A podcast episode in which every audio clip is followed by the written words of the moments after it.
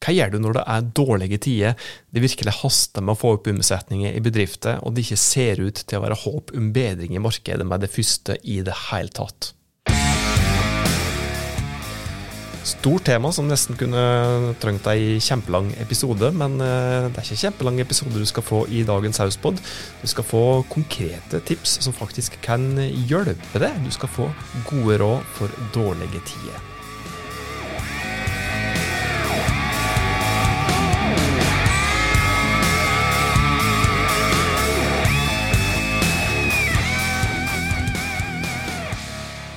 Hjertelig velkommen til en ny episode av Hauspodden, podkasten fra fagfolket i Haus. Jeg heter Tormod Sperstad. Tusen takk for at du hører på oss i Haus. Det er oss ordentlig glade for. Jeg veit ikke hvilke bedrifter som du jobber i har det akkurat nå. Kanskje går det så det griner. Kanskje merker bedrifter effekten av økte kostnader, høyt rentenivå og generell urolighet. I begge tilfeller, uansett hvordan det går, så er dagens episode nettopp eh, for det.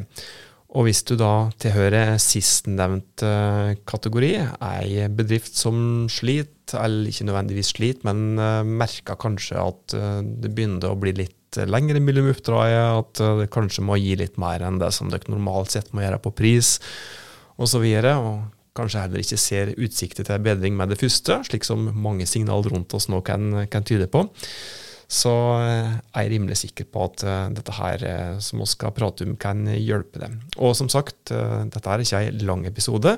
Vi skal jo prøve å holde episodene våre relativt korte, i hvert fall der å si konkrete tips som du kan anvende umiddelbart. Eh, så har vi en kombinasjon mellom andre episoder som vi satser mer på i denne sesongen, her, som da er et konsept der vi følger ulike bedrifter i utvikling over tid, som da blir litt lengre episoder.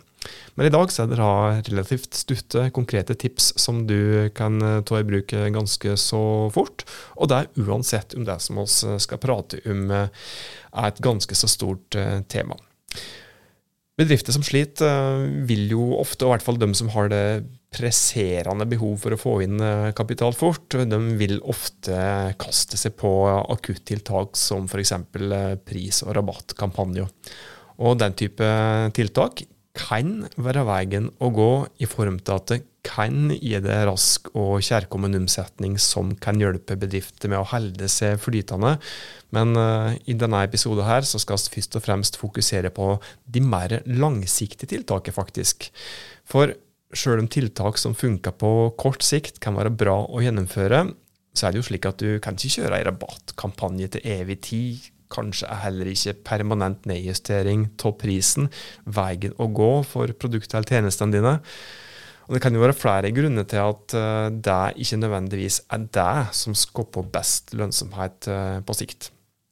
Hvis du skal møte dårlige eller ja, la oss si mindre gode tider, da, best mulig, så har du ordentlig mye å vinne på å gå litt grundigere til verks enn en slik typisk uh, hasteprisdump-kampanje. Men ja, sjølsagt, hvis det brenner på dass, ta det som brenner mest først. Men jeg lover deg at hvis du bruker litt tid på å se litt lengre fram, så blir det enklere for en bedrift å holde seg flytende både i dag og forhåpentligvis i morgen. og Det gjør det ja, enklere å gjøre det godt i både gode og dårlige tider. Så blir jo da spørsmålet hvilke gode råd kan vi gi i dårlige tider, som òg eh, kan fungere i gode tider vær så god, du skal få dem nå. Skal prøve å gå så rett på sak som det bare går an. Og det helt grunnleggende er jo selvsagt at du må ha et produkt eller en tjeneste som folk faktisk vil ha og er villige til å betale for.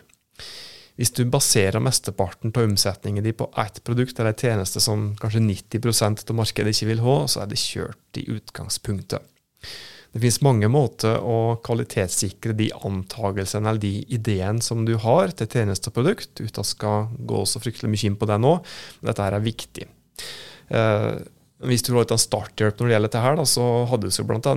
Eh, en episode tidligere i Hauspodden med en av gründerne i, i selskapet Oklin som sa det, jeg, at hvis du greier å finne ut uh, hva det er som gir kunden din et magesår, og hvis du greier å komme opp med noe som leger det magesåret, jeg prater sin metafor altså, så er du kommet et godt stykke på vei. Så søk opp den episoden der vi prater med en av gründerne i Oklin, eller en av de episodene, for vi har flere episoder med Oklin her. Som en direkte forlengelse til dette tipset, så må du levere så godt som du bare klarer på de uh, tingene som du leverer per i dag. Hvis du har et produkt eller tjeneste som målgruppa di vil ha, men som andre kan levere både bedre og billigere enn det, så kommer du jo selvsagt ikke langt. Men hvis du sørger for å levere bra og være god på det du skal være god på, så hjelp det i seg sjøl det å lykkes over tid. Jeg kunne sagt mye generelt om andre grunnleggende ting som kan hjelpe det å bli ja, f.eks. bli mer synlig for målgruppa di, få dem til å velge det, ikke minst hvordan du skal finne den rette målgrupper, hvordan du skal finne rett uh, markedsføringskanaler osv. som fungerer best for det. Men i stedet for det så skal du òg få noe mer ja, bedre tips da, som garantert ikke alle tenker over, og som kan, hvis du følger tipset, da, hjelpe dem å gjøre det litt bedre, og kanskje gi deg noen konkurransefortrinn. Og Det handler om det som vi ofte prater i Hauspodden, at du bør jobbe strategisk på et overordna område og en overordna strategi. Eh, gjerne en forretningsstrategi, men kanskje også funksjonelle strategier. Eh, det å ha en overordna strategi vil hjelpe dem å nå målet, stå ut i retning og holde fokus, noe som i seg sjøl er bra. Og I løpet av en eh, strategiprosess så kan det òg være naturlig at dere kommer innom en del andre ting òg, som hjelper dere å nå de målene og gjøre det bra. Eh, og I en slik prosess så ser en ofte på det helt overordna som misjon og visjon. Altså hvorfor er bedrifter der i utgangspunktet, og hva dere alltid skal strekke dere mot. Dette her hjelper til både med å holde fokus, samt det å ha noe felles å jobbe mot, i seg sjøl kan være motiverende for, for de ansatte. Da. Og med motiverte ansatte så er jo mye gjort når det gjelder å nå målet i en organisasjon. En god misjon og en god visjon kan òg være fint for å tiltrekke seg og holde på bra folk. Og bra folk er i seg sjøl helt essensielt for at en bedrift skal kunne levere bra og greie seg bra økonomisk. Det er også et tips å se på den overordna strategiske retningen, og med det så mener jeg om du generelt sett skal ha fokus på å være prisledende, eller om du skal satse på differensiering, f.eks. ved å fokusere på å være best på kundeservice eller levere det beste produktet, men ikke den som nødvendigvis er billigst. Det å se på forretningsmodellen som dere har i dag, kan òg definitivt hjelpe bedrifter. Hvis forretningsmodellen ikke er definert fra før, så kan det definitivt hjelpe bare det å ha, ja, forretningsmodellen nedfelt, å få skrevet ned slik at alle er bevisste på det, er kjente med den. Og Her kan det være lurt å alliere seg med noen som vet hva som må være på plass i en forretningsmodell, og ikke minst en forretningsplan òg. Et godt råd i både dårlige og gode tider kan òg være å se på dagens forretningsmodell med et kritisk og gjerne analyserende blikk. Kanskje kan det være på tide og smart, ikke minst, å justere forretningsmodellen, og kanskje også i ytterste konsekvens endre forretningsmodellen totalt. Og ser jo jevnlig eksempel på dette her eh, nå i det siste. Jeg har kanskje lagt spesielt merke til det. Eh, F.eks. ved at eh, aktører som tidligere var kjent for å selge turklær, nå går fra utelukkende salg til å reparere turklær. Noe som er en ganske stor endring i forretningsmodellen, men som garantert er både smart og ikke minst gjennomtenkt, og et bevisst valg som de har gjort basert på analyser. Og med analyser, så er vi en gang inne på neste tipset, det er lurt å analysere både omgivelsene rundt bedrifter og de ressursene som dere har internt, og de aktivitetene som dere gjør internt i bedrifter. Når det gjelder omgivelser, så bør dere analysere både tett på i form av kundene som dere har. Er det endring i kundesammensetning f.eks.? Er det endring i handlemønster hos de eksisterende kunder? Men det er òg lurt å se på generelle trender i markedet og i eh, verden for øvrig. Så analyser gjerne både tett på og litt vidt utover. Det kan f.eks. være slik at det er nye lover og regler som eh, kan påvirke markedet for produktene dine klimautvikling og andre ting også som, eh, som, eh, som eh, kan påvirke det som dere skal levere, eller påvirke kanskje forretningsmodellen. Som kanskje kan bidra til at dere både bør justere og kanskje se på helt nye forretningsmodeller. Dette vi prata om tidligere òg, men vi kan ikke få sagt det nok. Det å følge med på omgivelsene og agere etter det som dere ser, det er utrolig viktig for å greie seg bra over tid for ei bedrift. Og Her også er det viktig å tilegne seg kompetanse på det som dere skal se etter. Hvordan dere skal analysere, hvordan dere skal ta gode valg basert på analysene. Det er rett og slett alfa og omega for å ikke ta feil valg. Det kan også være vel verdt å investere i hjelp hvis dere ikke har tilgang på den eh, kompetansen der internt. Og for all del, ikke google når det gjelder den type arbeid, for uh, her vet vi at det er fryktelig mye feilinformasjon og synsing ute og går. Kanskje som en liten forlengelse til det som vi prater om når det gjelder eh, forretningsmodell. Hvis du ikke justerer forretningsmodellen, så kan det i alle fall være aktuelt å jobbe med innovasjon.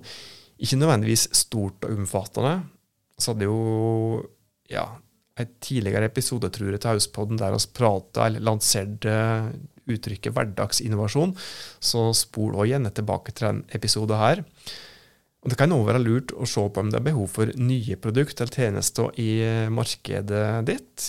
Igjen, her kan det være lurt å alliere seg med fagfolk på f.eks. tjenesteutvikling, og bare for å nevne det, det trenger ikke være veldig omfattende prosess, dette her heller. For det finnes arbeidsmetoder som gjør innovasjon av produktutviklingsprosesser ganske tidseffektive. Noe som igjen forkorter perioder som går fra idé til kunden kjøper produktet ditt. Dette var det viktigste tipset. Jeg lovde å holde episoden relativt kort. Eh, jeg er på tur til å feile her, hører jeg, men vi eh, setter et foreløpig punktum her. Jeg kunne nevnt en god del andre ting her òg. Eh, F.eks. dette med å få fokus på kompetanse på å gjennomføre aktivitetene som dere må gjennomføre for å levere bra, og ikke minst hvor viktig det er å sørge for at dere utnytter personalressursene godt. og F.eks. utnytte kompetansen hos de folket som dere har, best mulig, slik at de ansatte gjøre det som de er best på. Men det kan kanskje bli eh, mer utdypende tema for, for senere episoder. Apropos senere episoder, kan jeg nevne at vi er i gang faktisk med innspilling til episoder der vi følger bedrifter over tid, bedrifter som gjerne er i utviklingsfaser. Jeg vet ikke når du hører på denne episoden, men eh, når vi spiller inn denne episoden her, så kan jeg si så mye som at eh, første episode er planlagt å komme i løpet av de to neste ukene. Størst oppsummert om dagens hovedtema. Brenn det på dass, så slukk brann først, men begynn å jobbe forebyggende. Og den jobben den kan du gjerne begynne på når brannen har gått fra feite flammer til ullen ulming. Og som oss alltid sier i Høstpodden, strategi må ligge i bånn for alt du gjør. Å få strategisk tankegang inn i ryggmargen, det vil hjelpe deg veldig, veldig bra på veien. Det var det som vi hadde å by på i dagens episode av Hauspodden. Vi blir veldig veldig glade hvis du ikke gjør det fra før. Abonner på denne podkasten, for det kan hjelpe oss med å bli enda mer synlige overfor enda flere, slik at vi kan hjelpe enda flere bedrifter med å nå de målene som de har sett seg. Inntil vi høres neste gang, ta godt vare på det og dine.